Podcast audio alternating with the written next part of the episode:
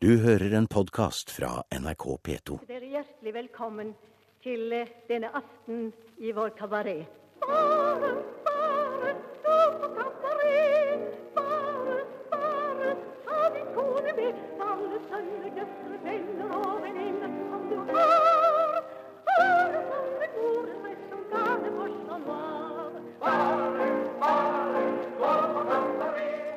Bukken Lasson, grunnlegger av Chat Noir i munter sang. Latter kan tydeligvis forlenge livet, for i dag fyller Chat Noir 100 år. Jubileet feires imidlertid i et knallhardt marked. Regnskapene til Oslos Revyteatre de tre seneste årene preges av for lite penger i kassen og røde tall i regnskapene. Den neste dag sto hun like fornøyet og vannet rosene på sin altar. Det er klart, Du har jo typer som, som Dag Frøland, da, som satt veldig preg på, på teatret her.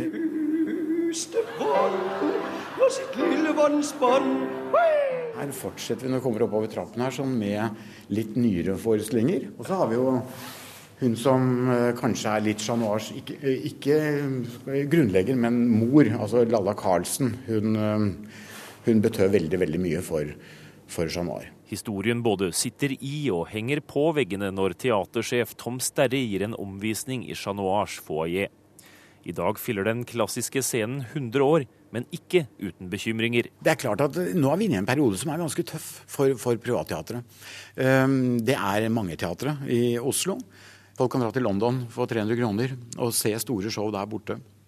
Eh, Det er store, flotte kulturhus rundt omkring, også i Oslos nærhet, som gjør at mange av oss som driver med forestilling her i Oslo, drar på turné ut dit. Og da venter jo selvfølgelig de heller til forestillingen kommer til dem, enn at de kommer til forestillingen. Det, for, det var en farse vi hadde som het eh, Ta av deg buksa. Det var jo en katastrofe, og den tapte vi jævlig mye penger på. Men det var veldig Det var jo morsom, og du ser jo her er jo Nils Ole Oftebro og Grete Kausland og Karl Sundby er med. og Også Tom Sterris tidligere revykompanjong Kjetil Aamodt har bilder av gamle bragder hengende i leiligheten sin på Majorstua i Oslo. Som utdannet siviløkonom med over 30 forestillinger på nakken, gjesteforeleser han om privatteater og økonomi ved Oslo BI. Jeg er jo redd for at ikke dette kommer til å se så veldig lystig ut. I 2010 gikk Christiania Teater konkurs. De nyeste tilgjengelige regnskapene viser at Chat Noir før skatt hadde et samlet underskudd på 2,7 millioner kroner fra 2008 til 2010. Edderkoppen gikk nærmere 400 000 kroner i minus, mens Dizzie Showteater skiller seg ut med et overskudd på rundt 900 000. I tillegg er Folketeatret dukket opp som en ny aktør, påpeker Aamodt. Og det betyr at det blir for mange seter, rett og slett. Hva kommer da til å skje? Nei, det er jo de sterkeste som vinner, da. De som har mest penger. Mest penger har uten tvil milliardær og folketeatereier Christian Ringnes. Tykk lommebok kommer da altså godt med, for teatret hans gikk samlet 20 millioner kroner i underskudd fra 2008 til 2010. Nå sier jo alltid folk at ja, det gikk så dårlig før, men i år så skal vi tjene penger. Eh, Men jeg er faktisk villig til å spise hatten min hvis ikke vi tjener penger i år, for eh, det, vi har en helt annen eh, frakk som vi skal fylle. Og nå har vi også belagt teatret i tre sesonger fremover med forskjellige da, store oppsetninger. Så jeg syns du ser atskillig lysere ut enn det har gjort de tidligere årene. Men det sier man alltid, så får vi se hvordan det går. Ringnes er uenig med Aamodt, og tror ikke flere revyteatre kommer til å gå under. Jeg er helt overbevist om at teatermarkedet kommer til å se eh, sunn etterspørsel, at vi kommer til å se mm, mer mangfold, og at det helt sikkert kommer til å bli bygget en rekke scener og teatre som vi egentlig ikke har bruk for, men jeg ønsker dem velkommen allikevel. I foajeen på Chat Noir har teatersjef Tom Sterry løsningen til lykkeligere regnskapsår. Det er egentlig å holde hodet kaldt, lage kvalitet. Altså er det kvalitet, så kan det fungere. For det er ikke bare x antall mennesker som skal ut. Er det suksess i byen, så er det dobbelt så mange som går ut. Og er det liksom halvbra alt sammen, så gir folk opp, og så tenker de det er privatteater. Det er jo bare tull å gå på, for der får man ikke det man vil. Tom Sterri på Chat Noir til vår reporter Gjermund Jappé. Guri Skanke, kanskje du er løsningen som en av fire showgirls som eh, står for jubileumsforestillingen The Showgirls Must Go On? Ja, det håper vi jo inderlig, da. For vi i hvert fall setter alle kluter til for å lage et uh, fantastisk show. Ja. Etter det vi har hørt, og Ja. om at det er vanskelig å drive privatteater og Mm. få det til å gå rundt, øh, er du bekymret for revyens fremtid? Altså, eh, jeg tror, altså Det er nok litt vanskelige tider nå, men det har alltid vært vanskelig å drive privatteater, for det koster mye penger. Og jeg vet jo min onkel Einar Skanke, han måtte alltid pantsette huset sitt og alt han eide for å ha råd til å sette opp teater. Så det har alltid vært harde tider når man ikke har noe tilskudd fra, fra staten og sånt. Men så var det en periode hvor det var veldig mye bra som gikk, og store oppsetninger. Og så ble det kanskje litt mange teatre. Og så, hvis noe ikke gikk helt bra, så taper man så mye penger. Og så blir folk litt redde, og så tør man ikke å sette opp så mye. Og så, ja, det er, det går litt sånn i, i bølgedaler dette her, men vi satser på at det skal ikke være vår skyld at det ikke går bra i år, da. Du har spilt øh, mange ganger på Chat Noir. Ja. Eh, Einar Skanke, din onkel, var direktør der fra 1962 til Ja. 75. Og i løpet av disse 100 årene som har gått siden boken la som grunnla Chat Noir og kom Ja. hjem fra Paris med denne ideen Mm. om en sort katte, Mm. hva er det med det teatret som gjør at det overlever, tror du? Du, det er nok eh, det suset av selvfølgelig disse 100 årene. Og så er det en veldig sjarmerende teater, pluss at det er en veldig god sal. en Veldig god scene. Du får en veldig fin nærhet til publikum. Og så har den de der små, skjønne lampene som er veldig sånn eh, karakteristisk. Og så det er eh, Nei, det er bare en veldig god energi der. Når sto du der første gang på scenen? Det var nok ikke før i 1990. Det var Einar Skankers jubileumsrevy. Hvilket preg satte han på stedet, Einar Skanke? Einar han, eh, han ha, hadde jo så mye entusiasme. altså Han levde jo med teatret døgnet rundt. altså Han var teater. Det var, han gjorde jo alt. Han gjorde alt fra regnskap til å skrive tekster, til å skrive melodier, til å regissere, til å omtrent ta koreografi. altså Han, han var teater, Einar Skanke. Det var, det var hele livet hans. Så han var masse varme og energi og positivitet i forhold til sitt yrke. Han var en entusiast. Og det han gjorde med Chat Noir, og det Mm. Chat Noir ble også etterpå, hva har det betydd for eh, revy- og kabaretmiljøet i Norge? Det har betydd masse. Det var jo I mange år så var det jo Einar, og så var det Dag Frøland, og så var det Jørg Ellertsen. Og alle de tre. Man var veldig spent hvert år på hvem som på en måte skulle gjøre det best, selvfølgelig. For man, man har jo alltid måttet trekke publikum og få bra kritikker. Så det har jo alltid vært en kamp i teater om å, å trekke publikum. Sånn, sånn er det jo bare. Så man var bare veldig nødt til å lage bra ting som folk ville se. Og det, det tror jeg nok Einar klarte veldig ofte. Han var veldig flink. Er det veldig Mm. annerledes nå? For når du forteller om dette, så var det et lite sånn persongalleri, da. Fra Ja, det var jo det. Karlsen og Einar og Dag, som du sier. Ja, det var nok kanskje mer sånn uh, synlige uh, karakterer som på en måte satte sitt preg på, på, på sin sjanger og sitt teater, på en måte. Det var veldig, det var, som du sier, Einars Kankes teater og Dag Frøland sitt og Jørg Ellertsen, Jørg Ellertsen sitt. Og, men nå, det er masse flotte personligheter nå, men de var så veldig synlige, og de satte sitt preg så veldig sterkt på det de gjorde. Er en god revy det samme i dag?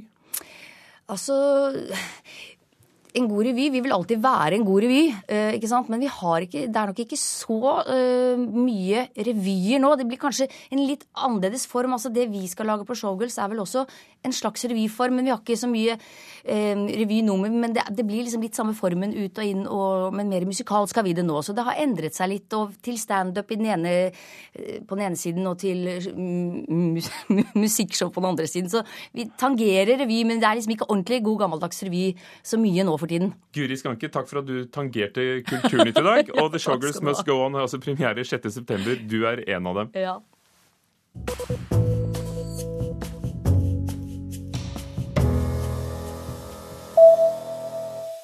Forfatter Gert Nygårdshaug hisser på seg norske krimforfattere med uttalelsen om at bøkene deres er blitt eh, bestialske. Debutantprisvinner Jørgen Brekke, som har skrevet to krimbøker med tidvis svært makabre scener, mener at Nygaardshaugs utspill nærmer seg sensur. Denne typen litteraturkritikk hørte hjemme på 1700-tallet, sier han til Dagbladet i dag. Davy Jones, sanger i bandet The Monkees, som vi hørte her, eh, er død. The Monkees ble kjent gjennom sitt eget eh, TV-show og gjennom hits som I'm a Believer og Last Train to Clarksville.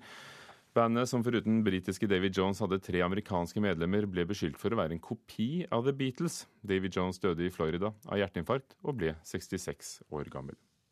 Etter å ha truet regissør Petter Ness og Lars von Triers produksjonsselskap Sentropa med rettssak, begraver dokumentarfilmskaper Alexander Joyce nå stridsøksen. Partene har lenge vært i konflikt om opphavsretten til Petter Ness sin eh, nyeste spillefilm, krigsdramaet Into the White, som får premiere søndag.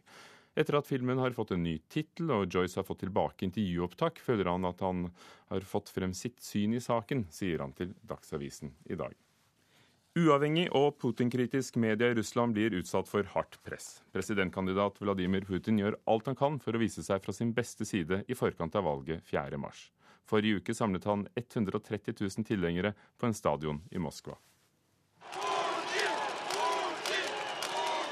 Det er dette han vil høre. Statsminister Vladimir Putin, som på søndag sannsynligvis blir Russlands neste president. Det finnes røyster som roper noe annet, men uavhengige medier har en utfordrende hverdag i Russland.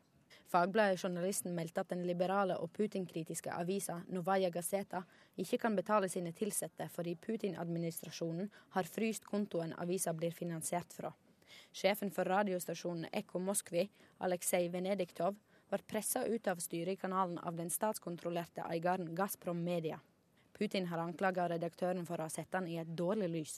Men, eh, men, det er ikke overraskende at det skjer, og det er jo ting som de har blitt utsatt for over, over lang tid. Julie Wilhelmsen ved Norsk utenrikspolitisk institutt tror ikke det er lurt av Putin å prøve å kneble siste rest av uavhengige medier. Eh, regimet har på en måte sittet veldig trygt og kunnet gjøre overraskende mye i forhold til å kneble pressen uten at det har vært noen protest. Mens etter i høst, hvor man faktisk har en sånn protestbevegelse, så er det klart at akkurat sånne type hendelser, de er på en måte bare å kaste eh, olje på bålet.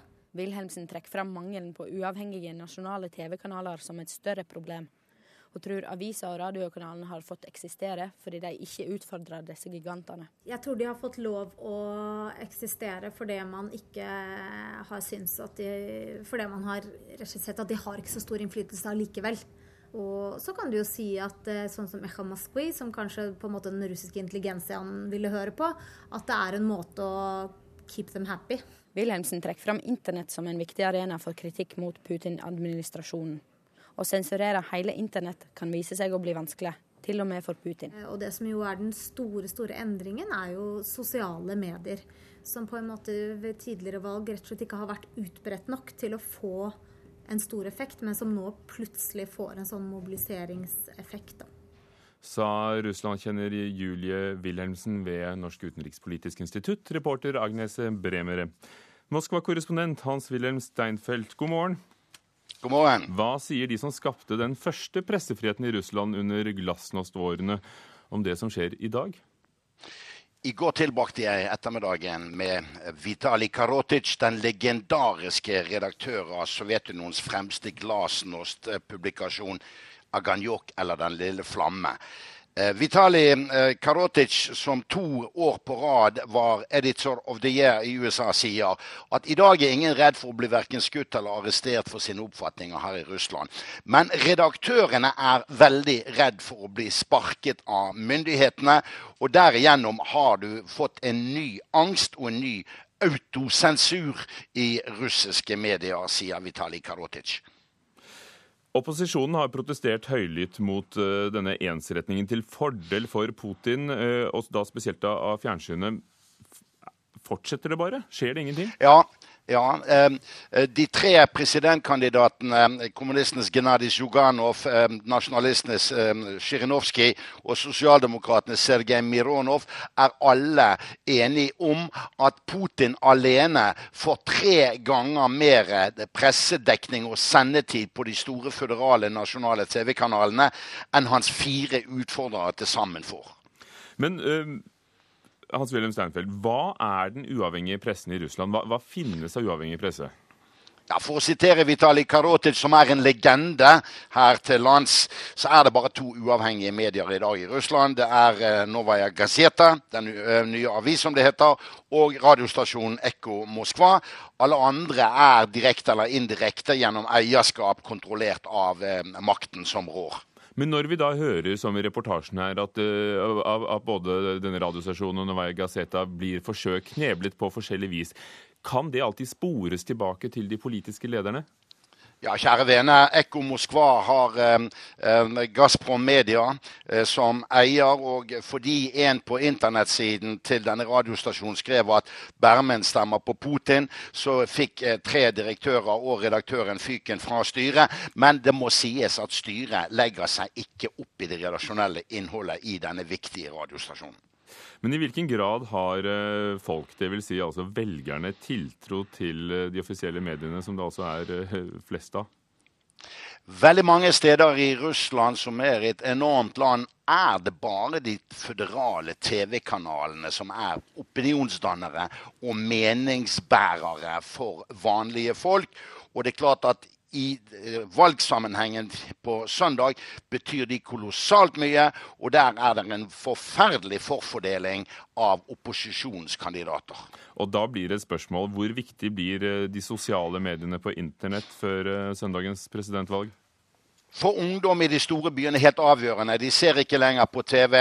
Det gjør heller ikke Vitali Karotic. De holder seg til internett. Men det er ikke alle steder det er internett. Og så må jeg få si én ting til sist, eh, Hugo. og det er det at både utgående president Dmitrij Medvedev og statsminister Vladimir Putin har sverget på at internett fortsatt skal være fritt og usensurert i Russland, til forskjell fra f.eks. For i Kina. Hans-Wilhelm Steinfeld, vår korrespondent i Moskva, tusen takk. Før vi hører om uh, ukens kinopremiere er i Kulturnytt, Kompani Orheim, til kulturlivet.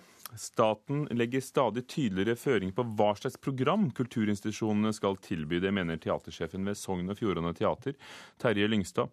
Han sier den rød-grønne regjeringen er i ferd med å vanne ut et viktig prinsipp om å la kulturen selv ha makt over innholdet. Jeg opplever vel at det har skjedd en endring de siste åra, og jeg tror jeg vil være så direkte som å si at det er knytta til det rød-grønne politiske prosjektet. En lydtekniker sjekker effektene til en ny barneframsyning ved Sogn og Fjordane Teater. Men i hvor stor grad skal staten være med å påvirke om dette stykket skal settes opp eller ikke? Dette prinsippspørsmålet mener nå teatersjef Terje Lyngstad det er nødvendig å reise. I årets tilskottsbrev til Sogn og Fjordane Teater står det sitat. Kultursektoren vil spille en viktig rolle i markeringen og feiringen av 200-årsjubileet for den norske grunnloven i 2014. Det forventes at Kulturdepartementets tilskuddsmottakere setter i gang arbeid med å planlegge prosjekter og arrangementer i tilknytning til jubileet. Også feiring av 100 år med røysterett for kvinner skriver departementet at kultursektoren bør delta i. Problemet er prinsipielt. Kunst og teater mener jeg skal være fritt fra instruksjon fra politikere. Vi kan komme i den situasjonen at det Finnes det styre som vil at vi skal jobbe med visse moralske, etiske problemstillinger som eh, ikke alle liker? Politisk rådgiver i Kulturdepartementet Kjersti Stenseng sier de har økt løyvingene til kultursektoren. Derfor mener regjeringa det også er naturlig med tydelige føringer. Vi legger føringer, eh, og det mener vi er viktig. Og Noe av grunnen til det er jo at gjennom Kulturløftet NTU nå, så har vi opplevd en veldig sterk økning på midler til kultur over statsbudsjettet. Ja, det er ikke deres penger, det er skattebetalerne sine penger, det er våre penger. Og de Derfor så må en eh, være litt forsiktig. Teatersjef i Sogn og Fjordane Terje Lyngstad, reporter Terje Gilleshammer.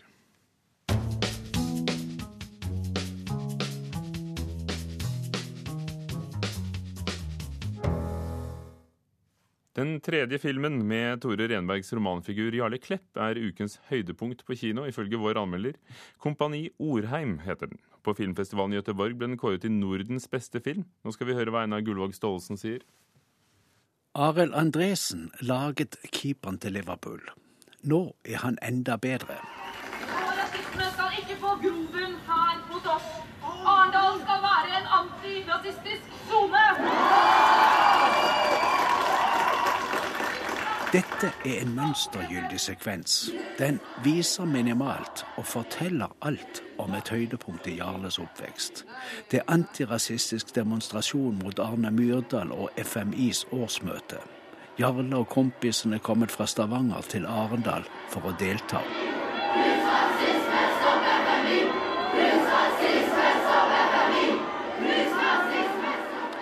I reportasjen på Dagsrevyen om kvelden går bildet tettest på ansiktet til Jarle.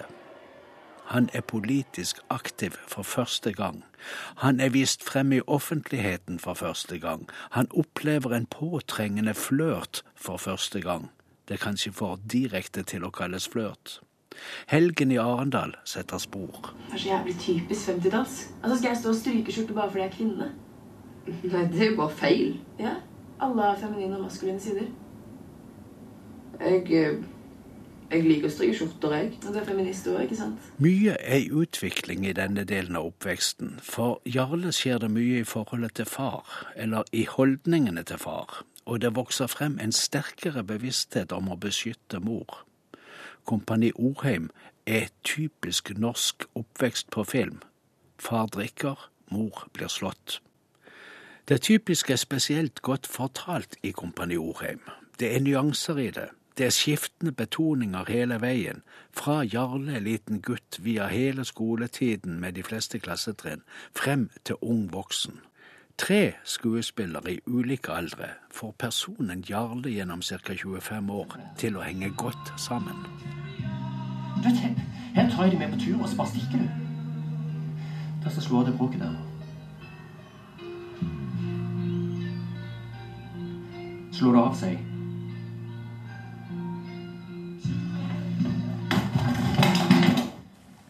Det er nydelig skuespill i alle vesentlige roller, og helt ålreit i de mindre. Kristoffer Joner gjør den vanskeligste jobben, imponerende ubesværet. Det er aldri brist i hans troverdighet. Jarle Klepp heter Jarle Orheim i denne tredje filmen i trilogien basert på Tore Renbergs nesten dokumentariske fiksjon. Jarle er farsgutt. Han inngår i Kompani Orheim. Familien er farskompani Orheim. Han skaper seg romantiske forestillinger om motstandskamp og heltedåd, og trekker Jarle og mor med seg på fjellvandring i tungtvannshistorien. Far har ikke engang avtjent verneplikt, men farfar var med på noe under krigen. Det lever far på. Fra naboens posisjon ser det meste normalt ut hos familien Norheim. De blander seg i hvert fall ikke i at far slår i fylla, og at mor unngår å vise seg når hun har blåveis. Familie er familie. Familier skal holde fast ved båndene. Kommer nærmere hverandre. Og det du tenkte, var ikke det, Else? Terje, sett deg. Få i deg litt mat. Det trenger du. Ja, men Nå hørtes du ut som far. Gøril. Fra Kompani Orheim, Einar Gullvåg Staalesen anmelder flere av ukens premierefilmer i Mørkets opplevelser klokken 15.40 i P2. Guri Hjeltnes blir ny direktør ved Holocaust-senteret. Hjeltnes har tidligere vært professor og senere også prorektor ved Handelshøyskolen BI. Hun er også medlem av 22. juli-kommisjonen som ble nedsatt av regjeringen i august i fjor, og er styremedlem i Fritt Ord. Og nå skal hun altså lede Universitetet i Oslos Senter for holocaust-studier og minoritetsstudier. Du har hørt Kulturnytt her i P2s Nyhetsmorgen. I dag har vi hørt at Chat Noir fyller 100 år i dag, men sliter, som alle Oslos revyteatre, med å få inn nok penger.